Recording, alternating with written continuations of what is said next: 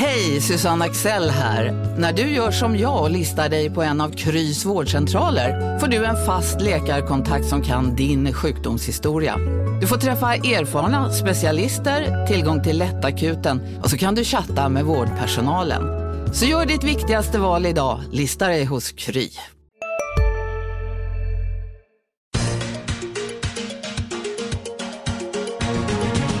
Hej och välkommen till Makrorådet, Dagens Industris podd om de tunga ekonomiska frågorna. Jag heter Viktor Munkhammar. Det är förmiddagen, onsdagen den 24 februari och med mig i studion har jag Anna Breman, chefsekonom på Swedbank och Johan Javeus, analyschef på SEB. Varmt välkomna hit ska ni vara. Tack. Härligt! Eh, hörni, vi pangar rakt på med det som eh, verkligen är hett just nu, nämligen Brexit. Det vill säga risken kan man väl säga för att Storbritannien ska lämna EU. Eh, ett avtal blev ju klart om lite undantag som Storbritannien kan få göra. Eh, datumet är satt för omröstningen 23 juni och debatten har på allvar brakat loss där. Eh, många hävdar ju att risken för en sån här Brexit är lite underskattad. Anna, vad är dina tankar kring detta? Ja, jag tror att risken är underskattad. Alltså både effekterna av det och möjligheten att det faktiskt blir av. Ja. Ser ju att opinions... Bara snabbt, vad säger, vad säger, är det 50-50 eller 60, vad, vad, vad, om du ska... Ja, det, det, det är ganska jämnt i opinionen. Fortfarande Ja. ett litet övertag för de som vill stanna kvar inom EU. Men vi hade ju Londons borgmästare här, eh, Boris Johnson som kom ut och som ska kampanja för nej-sidan. Och han är väldigt- Bojo, denna Ja. liksom ganska yviga och precis. mycket populära person, Väldigt eller hur? populära. Ja, Så ja. det, det, det var ju en anledning till att pundet gick så mycket häromdagen. Eh, så att jag tror att det här kan bli mycket mer eh, nära än vad man förväntar sig. Ja. Eh, och stora effekter. Alltså först och främst Precis, det är den ena underskattningen då. Ja. Risken är större än man tror och Ja. sen då vad kan hända och vad betyder det för Sverige i första hand då? Ja, för Sverige kan det ha stora effekter. Alltså det blir mycket volatilitet på finansmarknaderna. Det kan vara övergående, behöver inte sätta sig i realekonomin beroende på hur lång tid det håller på. Men det är en aspekt. Det andra är ju politiskt sett. Sverige har ju samarbetat väldigt nära med Storbritannien inom EU för att få igenom frågor. Och har vi inte Storbritannien med oss i EU då är det Sverige och Danmark och Holland i stort sett som tycker lika och de har ju inte alls samma tyngd som när Storbritannien är med. Och dessutom är inte vi euroland så hela den ekonomiska politiken det gör ju euroländerna upp och där kommer vi inte ha något inflytande. Och Storbritannien lämnar, då blir det ännu svårare för Sverige att få insikt i den typen av frågor. Så det är en ganska stor effekt på vårt politiska inflytande inom EU. Och sen har de ekonomiska konsekvenserna dessutom ovanpå det eh, som kan vara illa. Inte för att Alltså handeln med Storbritannien är ju viktig men det är framförallt om EU som helhet försvagas. Eh, vi har redan stora spänningar inom EU, eh, mycket populistiska partier. Om EU får ännu svårare att eh, komma fram med reformer och sådär då kan ju det drabba tillväxten på sikt och då drabbar ju det Sverige. Ja, okej, det var, var, var inte kul att höra. Johan, hur går dina tankar kring eh, Brexit? Både liksom risken för att det blir en och eh, vad gäller konsekvenserna och är marknaden liksom införstådd med detta? Har många frågor igen. Ja, jag tror att när det gäller risken att det blir en Brexit så håller jag med om den är nog underskattad framförallt av finansmarknaden idag. Eh, Jag tycker att när man ser historiskt på omröstningar om att vara närmare eller göra någonting som är inom ramen för EU-tanken i olika länder, till och med i länder som är relativt optimistiska och positiva till EU, så är det alltid väldigt svårt att få folket med sig. Och nu ska det här göras i Storbritannien som är ett väldigt EU-skeptiskt land i, i grunden. Så att jag tror det är en stor risk att det faktiskt blir ett nej. Jag vet inte om det är ett huvudalternativ än men, men eh, det lär väl visa sig här när den här kampanjen kommer igång och hur opinionsmätningarna då eh, påverkas. Sen när det gäller effekterna så Eh, jag tror att för Sverige så är det, jag håller med om det som Anna säger, att vi blir eh, mer marginaliserade när Storbritannien försvinner, om de nu skulle göra det. Eh, jag tror att det kan gå till och med så långt som att om Storbritannien lämnar så blir enda valet för oss att faktiskt gå med i euron. Jag tror att våra möjligheter att fortsätta stå utanför euron med Storbritannien utanför EU är väldigt små på sikt. Så, beroende på det här Anna var inne på att det blir bara en liten grupp länder. Att, att, att inflytandet blir för litet helt Dels så enkelt. om blir man- vårt eller- inflytande för lite. eh, Det är en faktor. Men sen är det också så att vi har inget undantag från att vara med i det här. Och sen så tror jag också en effekt av att man, om man nu får Storbritannien, om de lämnar, då försvinner den här största bromsklossen mot fördjupad EU-integration. Så Ever closer union som det brukar Exakt. uttryckas i de Så- officiella dokumenten. Så trycket utifrån från EU lä- eller EMU-länderna på att också få med Sverige som är ett bra land som man vill ha med sig kommer att öka. Jaha. Va, va, Anna, tror du också att det kan bli så att, att Sverige att mer eller mindre tvingas gå med i euron då? eller? Ja, och, och skulle det bli så att vi verkligen pressas hårt då kan det ju bli att, att opinionen i Sverige vänder så att vi istället för att gå med i euron kanske till och med också då lämnar EU. Det är väldigt svårt att veta hur det skulle spela Ja, för sig opinionen i Sverige var, nu mäts det inte så ofta de men det är ju inte pro-euro direkt. Precis, kan man väl skulle kunna bli ännu mer negativ. Så att här finns det ju stora politiska risker framöver. Det gör Jaha, det. Okej, ja. Det här får vi absolut återkomma till. Det säger jag alltid om ämnena vi pratar om här och vi, det är väl ofta så att vi återkommer också. Eh, 23 juni alltså, och håll det datumet i, i huvudet. Eh, en annan sak, apropå återkomma. Eh, I de två avsnitt vi har sänt hittills i år så har vi börjat med marknadsturbulensen varje gång. Eh, det gör vi inte nu och det beror på att det faktiskt har varit lite lugnare den senaste tiden. Eh, det här oljepriset som har åkt upp och ner, börser som har framförallt sjunkit, räntor och ja, all Kina-oro och så vidare. Nu är det lite lugnare stämning på, på marknaderna. Vad, hur ska man tolka det här? Är det en tillfälligt lugn eller eh, är det så att oron inte är lika stark längre? Om du vill börja Johan. Alltså, det finns ju olika faktorer som, som vi pekade på när det gällde att förklara varför det var så oroligt och en sån var ju oljepriset. Nu har vi ju sett att oljepriset har stabiliserat sig på visserligen en låg nivå men det har ändå inte fortsatt att falla som en sten. Det tror jag kan ha haft en lite lugnande effekt. på Det sa ju du, kommer jag ihåg, att det kommer inte sjunka under 25 dollar nej, fatet. nej, det kom tyvärr inte riktigt Baserat dit, på men- kolekvivalenterna där, du hade ett väldigt det, tydligt precis. resonemang. Vi var nere ja. på 26 tror jag men, men, eh, men Ja, ja. ja. Ja. huruvida vi har sett botten där, det tror jag är lite för tidigt att säga. Eh, när det gäller makroläget så tycker jag att det är väl egentligen vare sig bättre eller sämre än det var när den här turbulensen började. Och det är väl också en, en, en sorts indikation om att det kanske inte var bara det som låg bakom. Eh, men det har i alla fall inte blivit speciellt mycket sämre, inte som jag ser det i alla fall. Så att, eh, I bästa fall så var det en liten minikris och då har vi kanske det, det värsta bakom oss. Men jag skulle inte eh, våga springa till banken och köpa aktier i, idag i alla fall. Inte ens till SEB. Nej, inte ens SEB Okej, faktiskt. ja, förlåt. Eh, Anna, vad tänker du? Är det, är, det, är, liksom, är, är det en minikris som nu är över eller eh, är, är grundproblemen fortfarande kvar som orsakade de här kraftiga rörelserna? Grundproblemen är kvar. Eh, när det gäller den makroekonomiska utvecklingen så det finns fundamenta för att det ska bli helt okej. Problemet är att alla har hela tiden så högt ställda förväntningar att tillväxten verkligen ska komma igång och bli ganska hög, alltså säg 3% i USA och så blir det aldrig det och då blir alla besvikna. Och den problematiken finns ju kvar. Men fundamenta för en okej, tråkigt okej utveckling finns där. Men samtidigt så finns alla de här oroshärdarna också kvar. Alltså Kina är fortfarande mycket osäkerhet kring. Brexit har seglat upp nu. Vi har geopolitiken. Vi har oljepriset som kommer säkert fortsätta fluktuera i viss mån. Vi har ECB som kanske gör mer åtgärder. Fed som kanske gör det, kanske inte gör det. Så att det kommer att fortsätta vara väldigt volatilt. Eh, Även om fundamenta finns för att det blir en okej utveckling makroekonomiskt. Ja. Eh, Så att jag, jag tror på en fortsatt turbulens även om det i slutändan blir inte så himla dåligt. Ja, inte så himla dåligt, Ja. inte så himla bra. Precis. Ja, det ungefär det tråkiga utveckling är att du får liksom ingen riktigt bra skjuts i konjunkturen nu heller på världsnivån. Men å andra sidan så blir det inte någon katastrof. Ja, tror- Jag tror att nästa stora steg här då om man ska prata om global riskaptit det blir ju naturligtvis när ECB ska ut på banan här eh, inom kort. Eh, om Och där- de lever upp till alla de här högt ställda förväntningarna eller om det blir en besvikelse. Ja, det där såg vi ju i, i slutet av förra året att det fanns väldigt stora förväntningar på att ECB skulle göra saker och det gjorde de ju också men inte så mycket som folk hade. Det borde de väl ha lärt sig av att kalibrera förväntningarna lite? Ja. Eller vad ser ni för tecken? Ja, men jag på det? tycker ju att eh, signalerna från ECB och framförallt då från, från Mario Draghi är ju att eh, nu, nu kommer det stora grejer här. Och Ja. eh, det tror jag också vad marknaden förväntar sig. Ja, och vad skulle det vara för, helt kort bara, vad, vad betyder det? Vad betyder stora grejer? Ja, men framförallt ytterligare räntesänkningar. Eh, Det skulle även kunna vara en, en utökning av de här obligationsköpsprogrammen. Mm. Men, men räntesänkning tror jag är vad de flesta siktar in sig på. Ja, okej. Ja, mer minusränta alltså i världen. Ja, ja.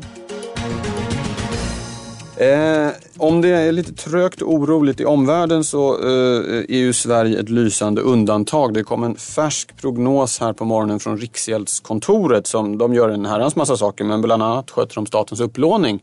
Och de spår nu att det blir ett överskott i statens betalningar i år. Tidigare trodde de på ett underskott på över 30 miljarder och nu räknar de med ett överskott på 3 miljarder. Det bara forsar in skattepengar, Anna. Ja, tillväxten är hög. Eh, folk kommer i jobb. Eh, folk eh, handlar varor och tjänster som de betalar moms för. Och då ökar skatteintäkterna. Sen har det varit, som du har påpekat Viktor, lite otydligheter när det gäller skattekontot. Men på det hela, det, grunden för det här är en bra konjunktur i Sverige. Just det, men bara förtydliga det där. Riksgälden skriver det också i dagens rapport. Då, att jag kan till och med om jag hittar i. Eh, just det, eh, de ovanligt stora inbetalningarna de senaste månaderna är till övervägande del av tillfällig karaktär. Eh, säger Riksgäldsdirektör Hans Lindblad i pressmeddelandet. Eh, och de är inte helt tydliga med vad det här egentligen betyder men en spekulation då som, som vi har skrivit om bland annat att man får så pass bra ränta på skattekontot. Sen vet jag att det är andra som pratar om också att det kan vara att de här så kallade 3.12-reglerna håller på att ändras och försämras. Att uh, olika företagare så att säga, passar på att ta ut pengar och därmed betala in skatt nu innan. Men i grunden så tänker vi ändå att det är den starka konjunkturen som ligger bakom här. Johan, vad var din eh, när du såg det? Var en, det var ju väntat att det skulle bli en revidering åt det positiva hållet men att den skulle bli så här kraftig var det väl knappast någon som hade trott, eller? Nej, jag tror att den blev, jämfört med de, de funderingar som vi hade eh, så var det väl ungefär det dubbla. Så det var en, en, en, mycket starkare siffra än vad vi hade räknat med. Och sen ja. är det ju också lite anmärkningsvärt att man då när man drar ner lånebehovet så gör man hela den förändringen nu på utlandsupplåningen. Förklara det där kort bara. Vad... Sverige lånar ju då upp pengar både i utländsk valuta och i svenska kronor. Och istället för att dra ner volymen av, av, svenska statsobligationer nu så gör man då den här neddragningen av, av lånen. Vi är specialister på det vi gör, precis som du. Därför försäkrar vi på Swedea bara småföretag, som ditt. För oss är små företag alltid större än stora och vår företagsförsäkring anpassar sig helt efter firmans förutsättningar. Gå in på swedea.se företag och jämför själv. Hej, Synoptik här. Hos oss får du hjälp med att ta hand om din ögonhälsa. Med vår synundersökning kan vi upptäcka både synförändringar och tecken på vanliga ögonsjukdomar. Boka tid på synoptik.se. Behovet på utlandsupplåningen. Kan man tro att det har någonting att göra med att Riksbanken eh, ligger och köper svenska statspapper eh, och att man inte ja. vill försämra likviditeten i den marknaden ytterligare? Eller vad? Har du någon ja. tanke om varför? Ja, men alltså det skulle ju kunna vara en spekulation. Sen, sen så har ju de här två, två myndigheterna inte direkt samarbetat jättenära när det gäller den här typen av frågor tidigare. Eh, men det skulle ju kunna vara en förklaring naturligtvis. Att man vill se till att hålla en, en bra likviditet i, i den svenska statspappersmarknaden. Det ligger ju i allra högsta grad i Riksgäldens ja. intresse att ha det. Anna, vad tänker du? Eller är det att man av andra skäl vill dra ner valutaexponeringen? Nej, alltså Riksbanken är ju det som ligger närmast som man tänker på. Men Riksbanken har ju sagt nu att de ska köpa 200 miljarder eh, kronor i svenska statsobligationer fram till och med juni. Eh, och nu när man drar och kommer då på... sitta på ungefär en tredjedel ja, av den nominella stocken. Det är alltså en jättestek för att prata finansmarknadsspråk. Det är det, så att när man drar ner på emissionsvolymerna så gör det inte lättare för Riksbanken. Och just med tanke på det Johan sa om ECB. De kommer ju fortsätta med sina tillgångsköp långt in i 2017 och kanske till och med utöka dem. Ska Riksbanken då helt sluta med att köpa tillgångar nu redan i juni? Eh, det är inte så himla lätt att köpa mer statsobligationer för de har redan köpt en tredjedel av stocken. Då måste de fundera på att utöka dem på något sätt och för att köpa andra saker. Det, det, det här gör det inte lättare för Riksbanken kan vi säga. Då går vi över till spaningen där ni har grubblat och kikat runt olika hörn. Eh, Anna, du, du har en läskig spaning med dig tror jag va? Stämmer det? Ja, lite småläskig. Ja, okej. Okay. Ja. Mm. Kör igång. Ja, nej men det vi ser från centralbanken har ju varit väldigt expansiv penningpolitik. Man har sänkt räntorna till och med negativt i Sverige, eh, även i euroområdet, till och med Japan nu. Eh, man har gjort jätteomfattande tillgångsköp av olika typer av eh, obligationer. Eh, och då när man redan har en sån expansiv penningpolitik, om konjunkturen nu vänder neråt, Säg att det blir en krasch i Kina och vi får en riktig recension i världen igen. Vad ska centralbankerna göra då? Har de slut på ammunition? Eh, det här är en fråga som liksom ligger ganska nära tiden. Det behöver inte ens ha en riktig recession. Det kan bara vara så att allt det här man gör inte är tillräckligt för att få igång ekonomierna. vad ska man göra i det läget? Man har inte så många valmöjligheter kvar. Det jag ser egentligen är bara två alternativ. Det ena är att centralbankerna säger att ja, vi har gjort vårt. Eh, och så säger man till politikerna att nu får ni göra saker istället via finanspolitiken. Strukturreformer, finanspolitik som kan bidra till högre tillväxt på längre sikt. Det andra är en väldigt okonventionell metod som brukar kallas helikopterpengar. Ehm, att eh, centralbankerna i koordination med Finansdepartementet så trycker centralbanken pengar som Finansdepartementet sen helt enkelt lämnar ut eh, till vanliga hushåll som då ska spendera pengarna i tanken.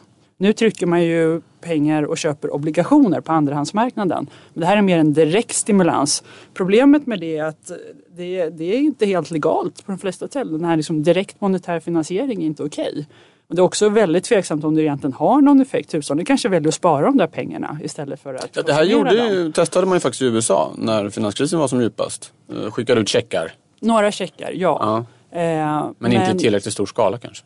Nej, och sen inte heller, det var ju inte Visst, de skickade ut det men det var ju inte en direkt koordinering med centralbanken. Tanken är att man ska ha en direkt koordinering men centralbanken är ju oberoende idag.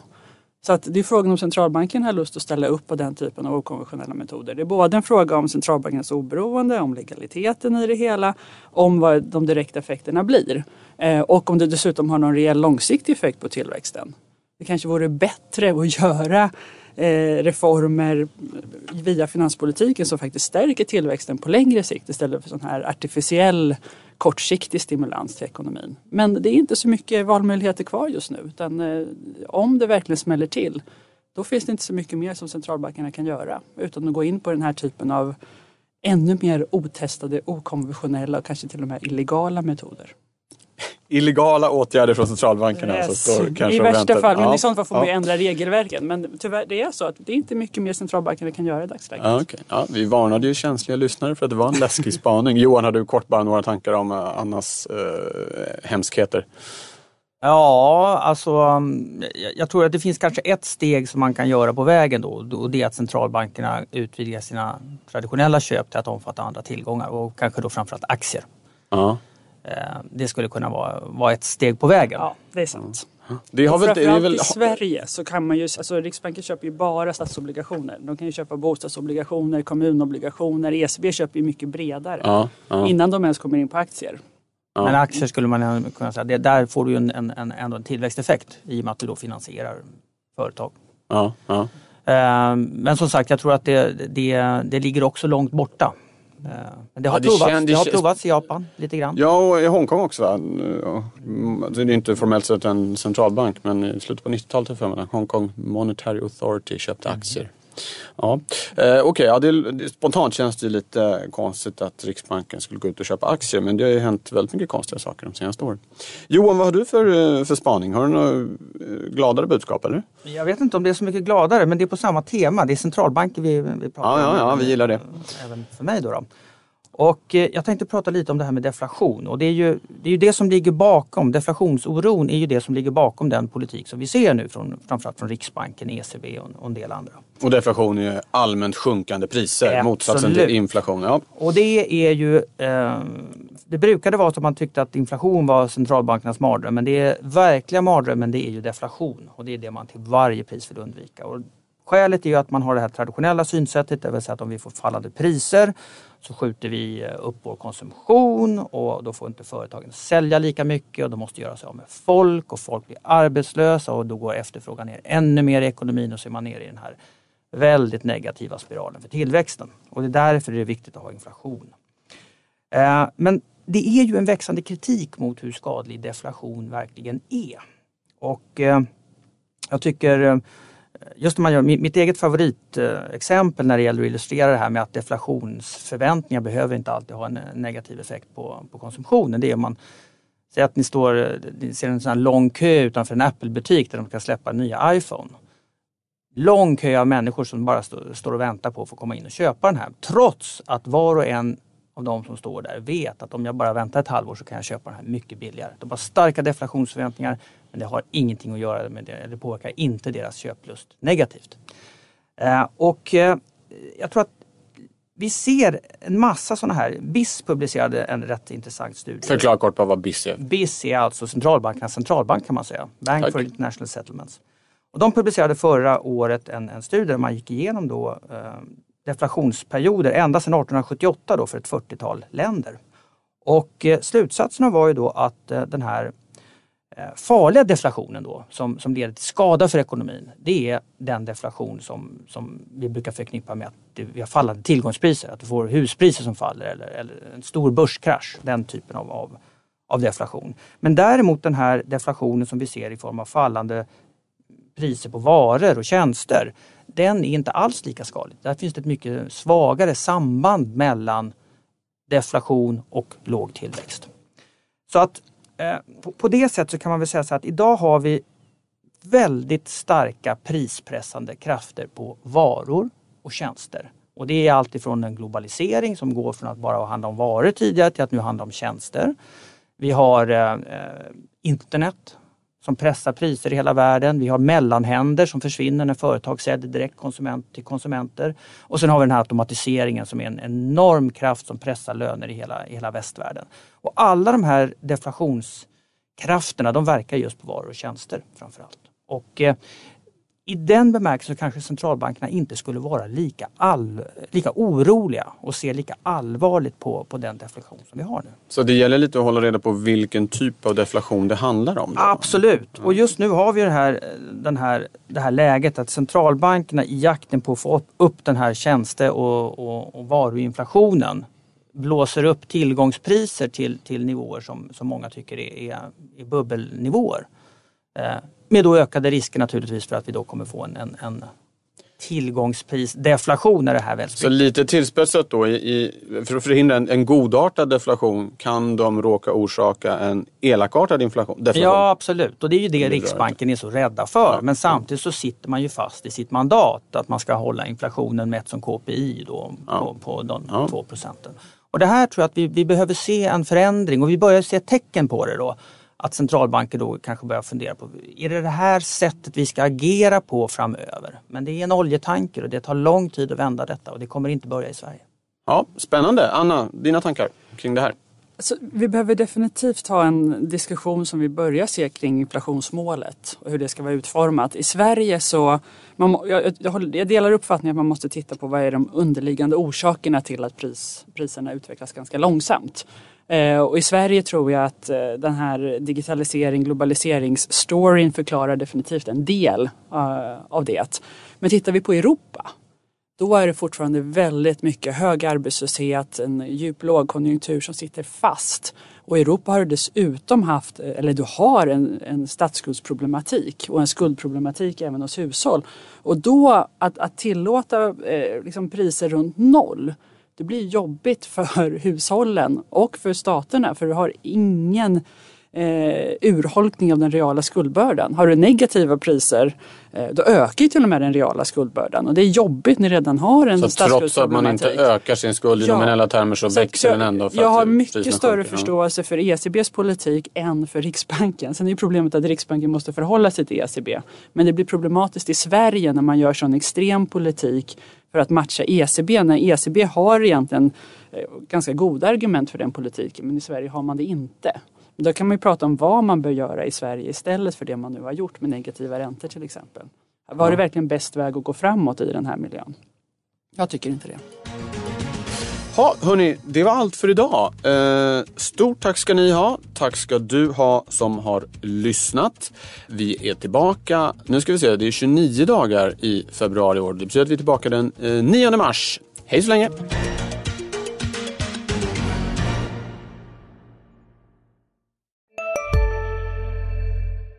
Redo för sportlovets bästa deal? Ta med familjen och njut av en Big Mac, McFeast eller Cooper Cheese och Company plus en valfri Happy Meal för bara 100 kronor. Happy Sportlovs deal, bara på McDonalds. Ni är med om det största. Och det största är den minsta. Ni minns de första ögonblicken. Och den där blicken gör er starkare. Så starka att ni är ömtåliga. Men hittar trygghet i Sveriges populäraste barnförsäkring. Trygg Hansa. Trygghet för livet.